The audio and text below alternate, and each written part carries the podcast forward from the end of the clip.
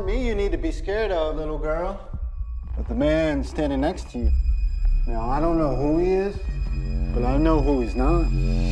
Should I tell her or you?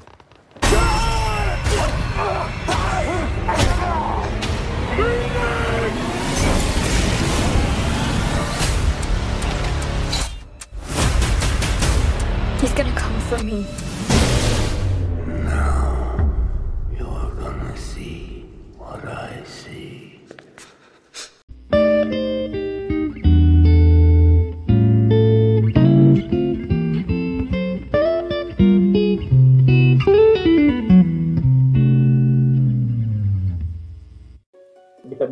ini bisa jebakannya kayak cepet banget loh dalam Hmm. waktu sesingkat itu Saya punya keahlian telinga segala macam. Tapi kalau misalkan kalau dia itu baru ke datang ke tempat yang baru, itu otomatis kan dia kan harus ada adaptasi sedikit lah. adaptasi. judul Breathe juga nggak cocok loh di sini tuh kayak jangan apa kamu kenapa ini kayak jangan apa jangan apa kenapa jangan apa ada apa gitu nggak ada apa-apa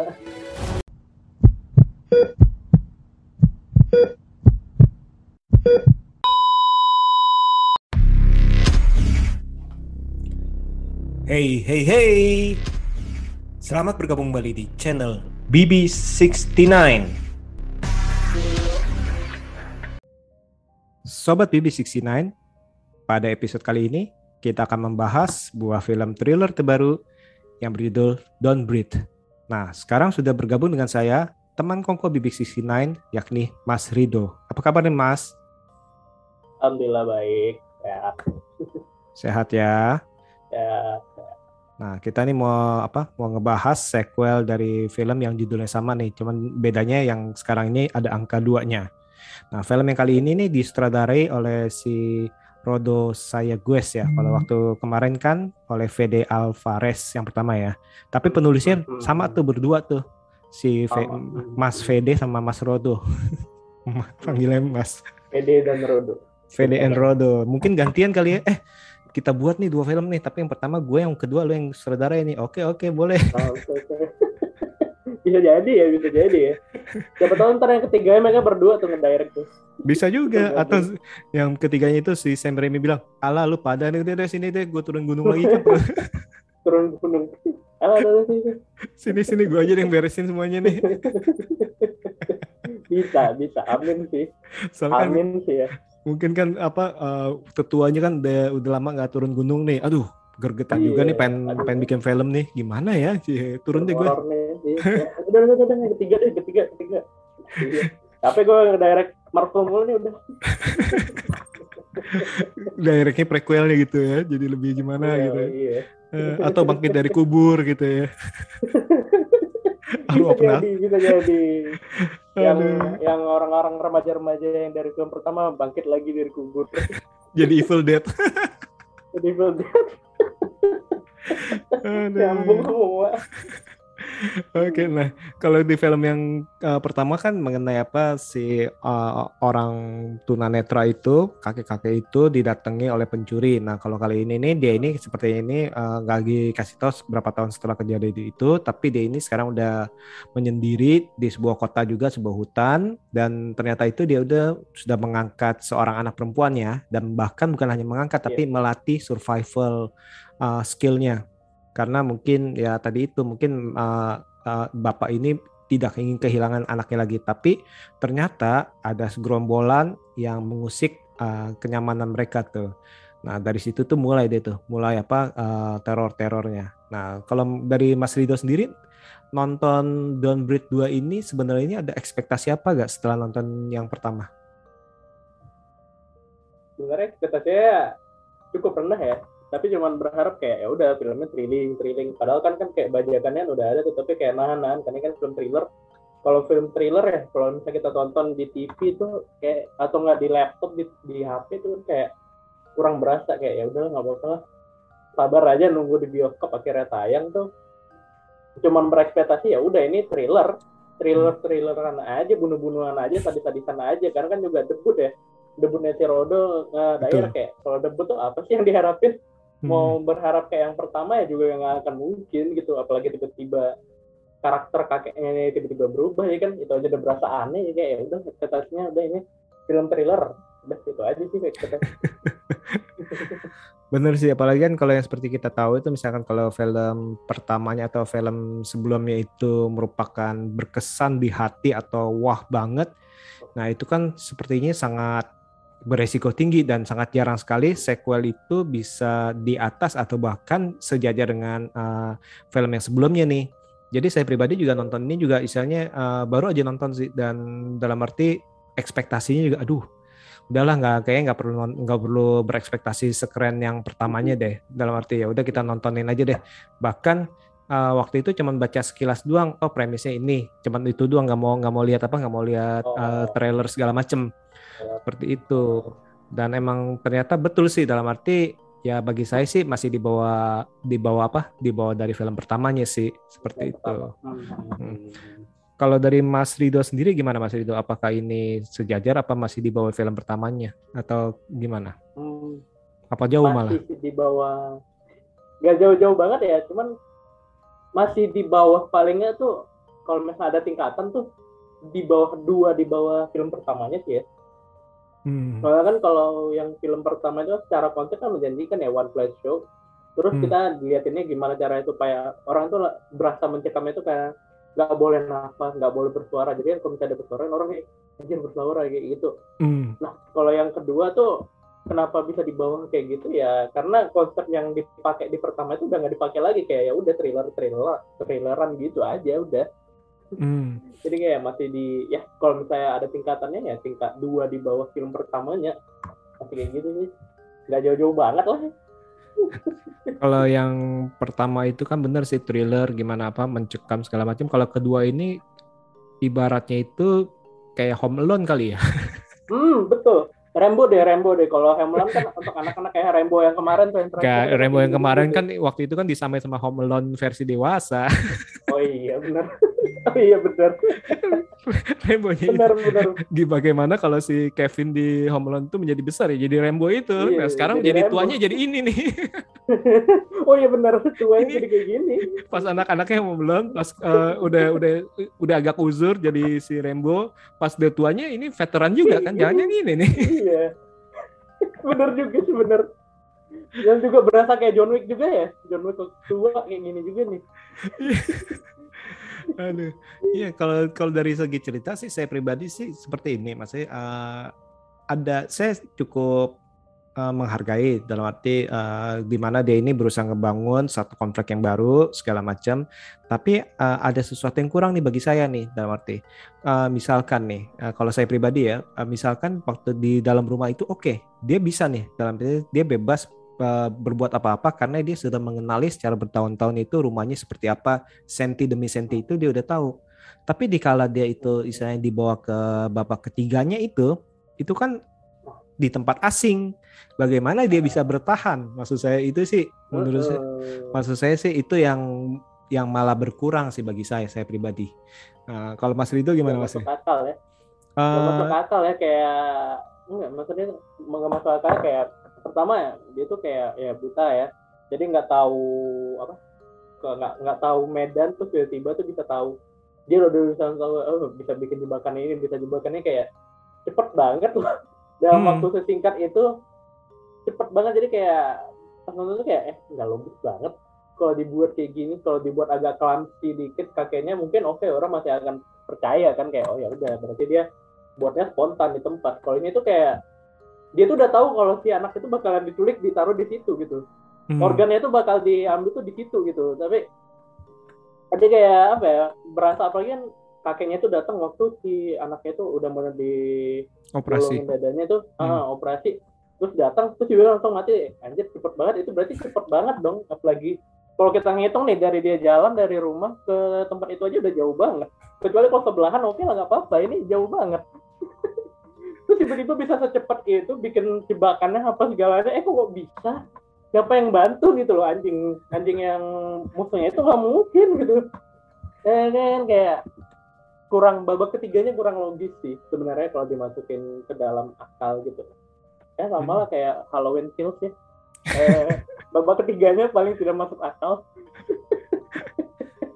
Uh, soalnya gini apalagi kan misalkan tadi itu yang tadi saya bilang itu oke misalkan kalau dia uh, orang tunanetra atau orang buta itu memang uh, istilahnya punya keahlian telinga segala macam tapi kalau misalkan kalau dia itu baru ke datang ke tempat yang baru itu otomatis kan dia kan harus ada uh, uh, adaptasi sedikit lah adaptasi, ah. ya. kayak misalnya ini tiba-tiba dia tahu nih listrik matinya di mana Hmm. misalnya atau dia tahu itu ya paling gampang itu gini itu kan ada kolam kosong tuh dia nggak jatuh tuh. Iya betul, betul, betul. Dan sejago-jagonya Rembo, sejago-jagonya Rembo, kalau dia juga bikin jebakan juga masih butuh waktu di tempat lain gitu loh. Ini mentang-mentang Neville yang nggak kayak gitu dong, nggak kayak gitu ceritanya juga.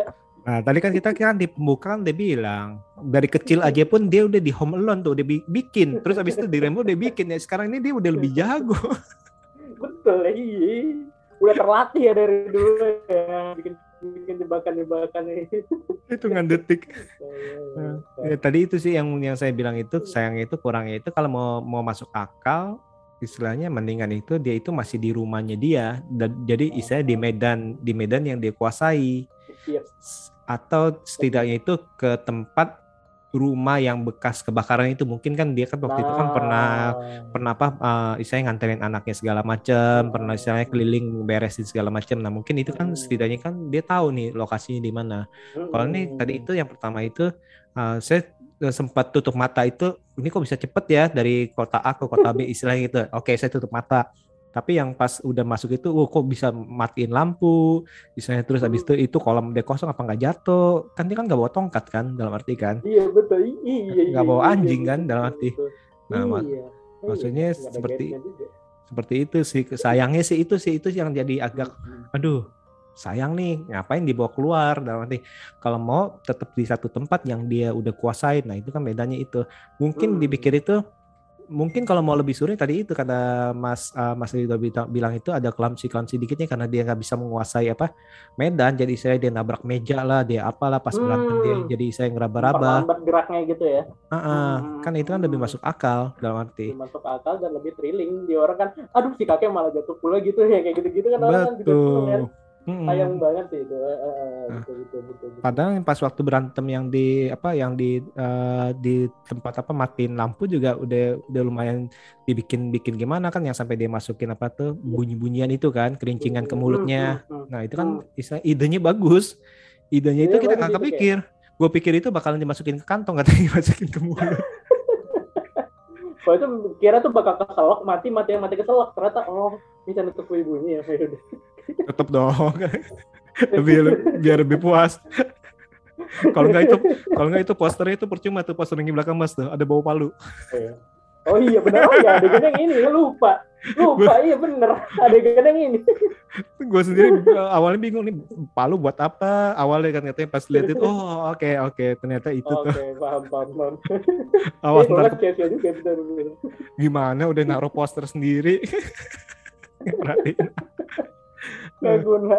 Hmm, eh, Paling nggak ya, Hmm. minimal ya. Minimal tuh kayak, kalaupun uh, harus di tempat yang berbeda, minimal tuh masih di lingkungan sekitaran dia itu loh. Kalau masih di lingkungan sekitar dia kan kayak oke masih masuk akal. Dia kan masih tahu sekitaran ya, masih bisa beradaptasi. Ini udah jauh banget.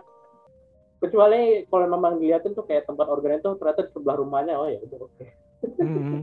Atau Itu sih. saya kan uh, apalagi kan kita kan diajak uh, dikasih lihat nih dia ngajarin uh, survival kepada anaknya itu kan uh, selain di rumah di apa alam terbuka itu kita masih masuk akal tuh dalam arti Hmm. Uh, Hmm, tapi kan di lingkungan dia. Tapi misalkan udah masuk ke rumah orang lain, otomatis kan Nah. perlu adaptasi dan istilahnya nggak mungkin se- secermat itu dia bisa itu. Tadi itu kita apalagi kan ya masa sih orang sebanyak itu istilahnya. kita aja nih kalau kayak lagi kayak gitu juga masih butuh waktu berjam-jam juga untuk perencanaan. Ya, ya, ya. atau jangan jangan gitu. Misalkan kalau kita tiba-tiba malam-malam mati lampu, kita pun masih butuh waktu Ah. beradaptasi. Itu pun rum- Beradaptasi. rumah kita loh dalam arti dianggap kan kita kan Ah, rumah keadaan kita baru dianggapnya. Seperti itu Nah, sih. betul, betul, betul, betul, betul ya kan nyari nyari lilin dulu. Aduh, loh, lilin mana? Padahal kita udah tahu lilin di mana di mana lilin tadi. Harus beradaptasi dulu, betul. Iya. Lilinnya lilinnya dipakai buat ngepet. Habis aduh beli dulu. Kemarin habis habis bikin apa? Bikin film babi ngepet.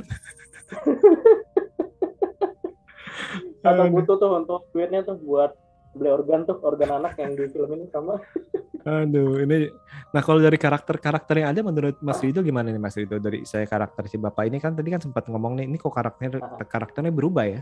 Kalau Hmm. kalau saya pribadi nganggapnya nggak berubah sih. Kalau Mas kok malah nganggap berubah maksudnya gimana tuh?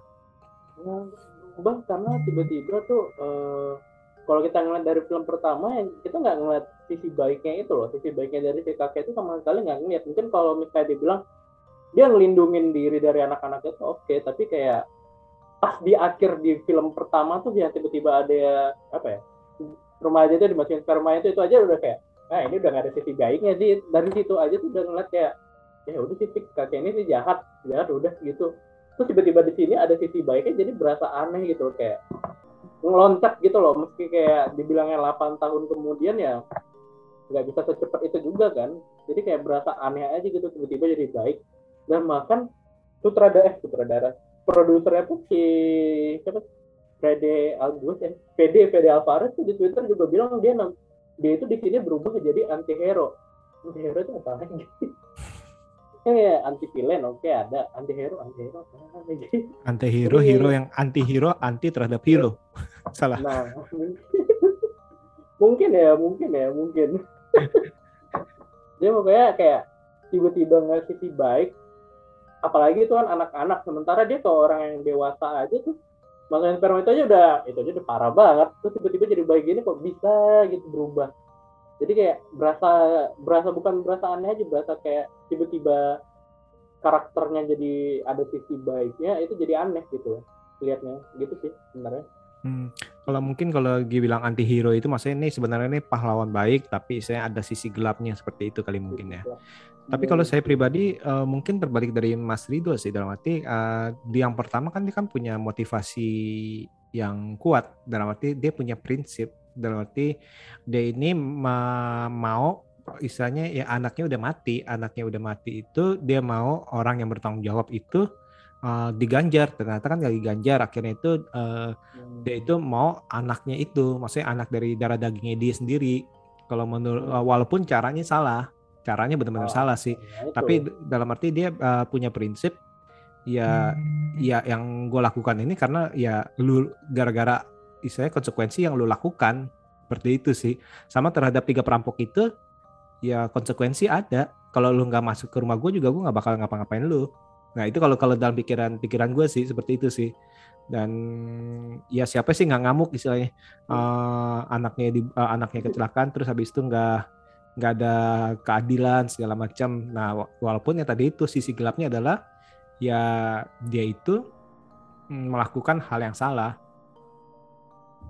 Itu sih kalau menurut saya sih. Jadi kalau saya melihat di sini nih, kalau saya melihat di sini mungkin kan setelah kejadian dicekokin sama yang terakhir itu tuh mungkin dia sadar kali oh ya udah udah gue tobat. Gue nggak boleh gitu lagi. Mungkin mungkin.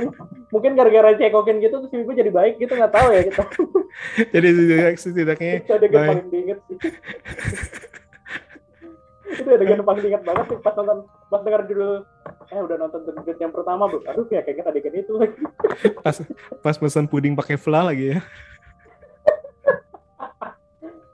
apalagi tuh kalau bioskop waktu itu nyediain puding pakai flan nonton The Great pertama. Wah udah telah ya orang nonton terus dikasihnya itu dibaginya pas itu ya pas apa pas menjelang adegan puncak gitu ya lim- lima menit sebelum mereka puncak banget. gitu dikeluang-keluangin bagi-bagiin terus lagi bagian nih nih nih nih. Gratis gratis gratis.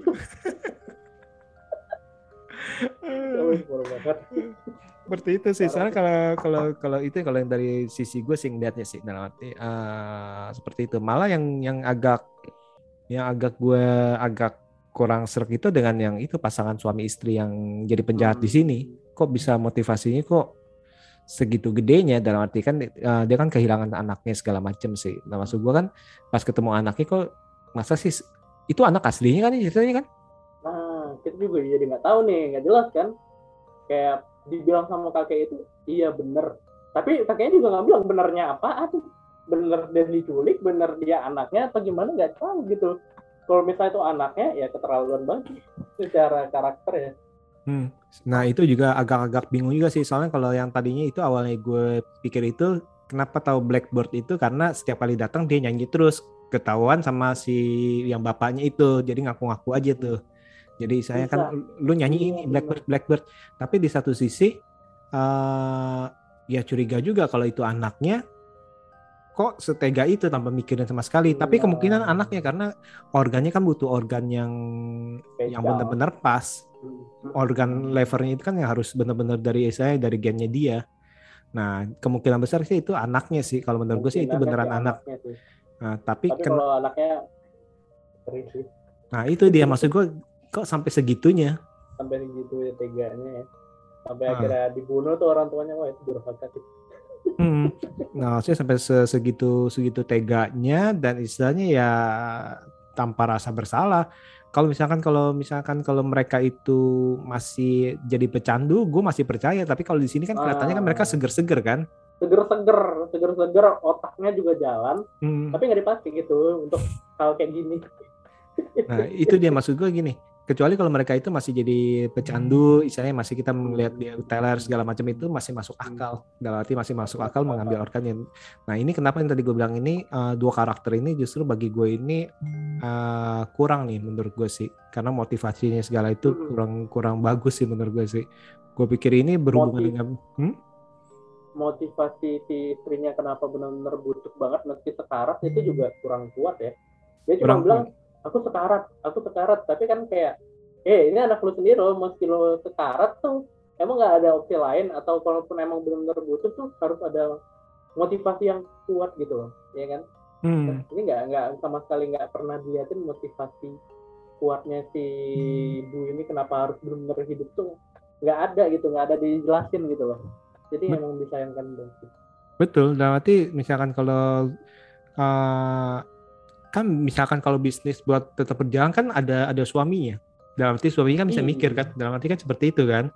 Dalam arti, iya ada anaknya ada penerusnya juga ya Mm-mm. dan Iya, istilahnya juga misalkan kalau dikasih levernya kan belum tentu hidup juga. Maksudnya kan eh, kayak gitu Oh. kan lebih menurutku sih tadi itu kurang kurang jelas kecuali tadi itu kalau mereka itu dalam pengaruh dari obat bius istilahnya eh, nggak bisa berpikir jernih segala macam jadi istilahnya menghalalkan segala segala macam segala cara itu sih kalau menurut gue sih itu kekurangan yang Hmm, yang cukup besar sih seperti itu.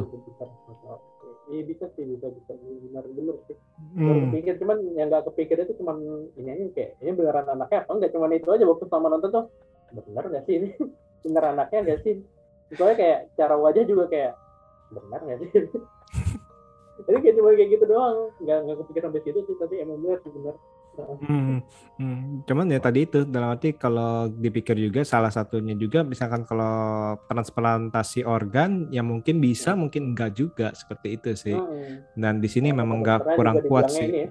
Kenapa? Kata dokternya juga dia bilang yakin nih bener dia juga nggak yakin si dokternya juga nggak yakin itu kayak waduh Dokternya dokternya sendiri kayak yakin yakin nih Oh. bener nih malah pasiennya lebih yakin ya. Pasiennya cuma yakin yakin yakin yakin dokternya aja yang yang bedahnya aja nggak yakin gimana sih nah karakter dokternya juga sayang banget gak dipakai gitu Oh iya, Karena apalagi Hmm, iya karena kan di awal kan ada tuh yang di TV gue tuh Hmm. kayak dia penjahat besar gitu kayak Betul. oh dikirain bakal ini yang dilawan ternyata kayak cuman jalan kayak oh dulu aku cabut duluan eh mati gitu doang.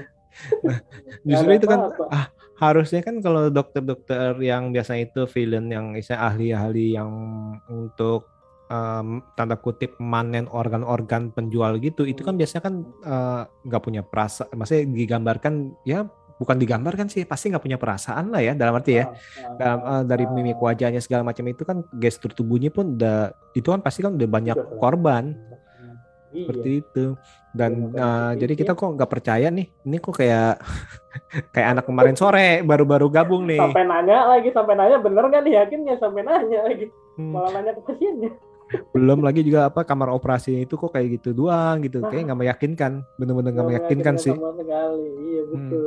Nggak meyakinkan sama sekali dalam arti oh udah bener-bener. Nggak taunya infeksi mati. ah, kayak, ah udah gue cabut duluan ya mati ya. Gitu doang. Lu ngapain dikasih tau di awal di TV gitu loh. Betul terus cuma untuk pengalih twist doang. Terus matinya cuma gitu Ya. doang. Mati gitu doang ya sayang banget Ya. Nah, kalau dari thriller sendiri gimana nih? Dalam arti eh, kalau yang pertama kan jujur yang pertama itu eh, banyak itu adegan itu sampai bener-bener kita pun nih saya pun eh, sampai ke bawah menahan nafas nih. Uh, gila nih bener-bener nih. Nah, kalau yang di kedua ini gimana kalau menurut Mas? Kalau yang kedua dia kayaknya memang nggak make lagi konsep yang film pertama ya, karena kalau kita ngeliat tuh udah lebih luas dan dia lebih banyak kan apa ya, lebih banyak kan actionnya gitu daripada thrillernya. Thrillernya itu paling kayak tiba-tiba muncul kayak Hmm, rada-rada jump horror scare. juga dikit. Ah, jam kerja tiba-tiba muncul atau nggak tiba-tiba musiknya mati atau muncul lagi ya kayak gitu-gitu aja sih paling. Nggak ada yang benar-benar thriller thriller kayak yang pertama gitu. Sayang Hmm. sayang banget karena udah udah berasa banget kayak pas kakeknya itu berakhir tuh kayak kok jadi film action? Jadi kayak gitu.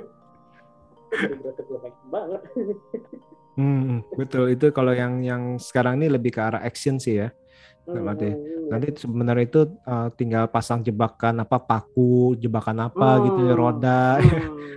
bakar-bakar orang kayak Rambo Bakar- rambut. Ya.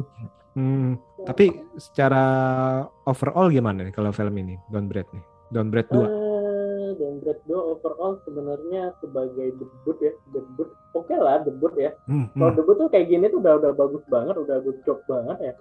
Udah kelasnya sutradara thriller mediocre tapi kalau untuk debutan ya oke tapi untuk sequel hmm, masih kurang sih. Masih kurang apa ya kurang sana sini sih. Misalkan kalau film ini itu berdiri sendiri nih, kita merupakan Downbreed pertama.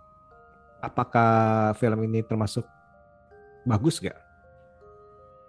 bagus termasuk bagus. Kalau misalnya emang bukan sequel cerita baru eh bagus bagus bagus banget. Karena kita ngeliatnya juga jadi banyak elemen surprise di sini. Tiba-tiba si kakeknya bisa ini bisa itu. Tapi sementara kita kita udah tahu di pertama itu kayak gitu kayak gini kayak gitu. Terus tiba-tiba di gini berubah jadi kayak ya jadi kurang. Kalau misalnya tersendiri aja judulnya jadi kayak penjelajah pembalasan si kakek dah. Cukup tuh judul filmnya jadi itu. Kakek kakek kakek buta yang balas dendam. Si kakek buta dari rumah hantu. Nah saingannya si buta dari gua hantu tuh. Cocok tuh. Judulnya kurang panjang. Kakek buta penyendiri, anaknya tiba-tiba diculik penjual organ, Membalas dendam. dan penjual tambah dan penjual organnya adalah bapaknya sendiri clickbait banget ya. Keren banget. Clickbaitnya apa? Eh, organ organ anak sendiri ingin dipanen. Wah, terus ada pakai angka-angka di alfabetnya. Aduh. An- ah, terus habis itu ah, ngomongnya apa lagi? Ah, kalian pasti tidak menduga ah, yang nomor 10. Kamu gitu. Oh, pasti. Dan bapaknya sendiri. Wah. Aduh. Oke oke tapi saya setuju sih misalkan kalau ini downgrade ini misalkan yang kedua ini kalau di misalnya disejajarkan dengan uh, film yang sebelumnya memang sih uh, memang terlihat istilahnya uh, agak ya agak di bawah lah seperti ini ya. Tapi dalam arti kalau misalkan kalau berdiri sendiri tanpa menonton uh, yang pertama saya rasa mungkin orang akan terpuaskan juga sih. Cuma yang tadi itu sayang itu di paruh ketiganya itu ya logikanya lebih harus nggak usah pakai logika lah yang kedua yang di paruh ketiganya ya. Kalaupun ya, kalaupun memang tetap pengen dijadikan dalam dunia downgrade, ini kalau jadikan prequel cocok. Jadi kalau misalnya prequel nih, misalnya prequel dia akhirnya si kakeknya ternyata hidup nih. Terus akhirnya dia hidup sendiri kan udah nggak sama anaknya, jadi dia pas remaja itu datang itu dia kayak pertama dia benci sama orang-orang yang datang ke rumahnya, akhirnya dibunuh-bunuh ini bisa jadi motivasi yang kuat. Jadi orang kayak oh oke jadi kakek itu. Bisa sebengis itu gara-gara ini, gara-gara ada orang yang dulu masuk ke rumah dia dan nyerang rumah dia. Terus kenapa dia ngelakuin itu? Yang sampai nanam sperma karena dia pengen punya anak lagi kayak yang kemarin ya, kayak yang dulu. Kan bisa kalau jangan prequel. Tapi itu. Kalau jangan prequel kurang nyambung gitu. Misalkan kalau yang Downgrade 2 ini ternyata uh, prequel, nggak tahu itu yang masuk itu yang anak kecil itu udah dewasa. Wah, ternyata pas Twistnya. gue bunuh kakek ini aku. Wah. Wah itu twist gede banget ya. Kakek ini aku, kamu ternyata. Kakek nggak berubah. Kakek lihat muka saya, masa kamu nggak mengenali saya? Dicolok udah. bisa bisa bisa bisa bisa Aduh, ya. muter-muter nanti dibilang ini sebenarnya ini judulnya bukan Downbreed 2, maksudnya ini Downbreed 2 yang ke sebelumnya. Ya, Menuju yang ya, sebelumnya itu, itunya itu sebelumnya, tuh. menuju sebelumnya judul Downbreed juga nggak cocok loh di sini tuh kayak jangan nafas kamu kenapa ini ya jangan nafas jangan nafas kenapa jangan nafas ada Jangan apa gitu nggak ada apa-apa Dan nafas soalnya apa di dilelepin ke air. oh iya benar Ya, ya, tetap air nyari- ya cuma satu itu doang ya Eh, cuman cuman nyari nyari apa nyari nyari nyamung nyamunginnya aja. nah, Oke oke nih. Seru juga nih kita ngomongin Downbreed 2 yang sebenarnya itu walaupun masih di bawah daripada Downbreed tapi ya menurut saya sih ini masih bisa ditonton untuk tegang-tegangan, untuk seru-seruan, apalagi aksinya itu ya ala-ala Home Alone, ala Rambo. Nah, ya ini mungkin uh, uh, itu perkembangan dari si Kevin dari masa kecilnya Home Alone jadi Rambo terus sekarang ini ya Downbreed 2 ya kalian nonton aja deh. Nah, seperti itu. ber- berurutan ya timelinenya nah nanti coba coba eh, nanti Mas Ridho nih nonton deh abis uh, Home Alone langsung Rambo yang itu Oh, iya, terus benar. ini jajan nama kakeknya Kevin McAllister ya ini jangan mungkin mungkin mungkin sebenarnya cuman ganti nama kali. Ah, karena takut penjahat yang lama ya muncul lagi gitu aduh oke oke oke. Thank you nih Mas Ridho nih udah meluangkan waktu nih kita ngobrol-ngobrol film Downbreed 2 semoga di lain waktu kita bisa ngobrol film lainnya. Sekali lagi terima Amin. kasih dan see you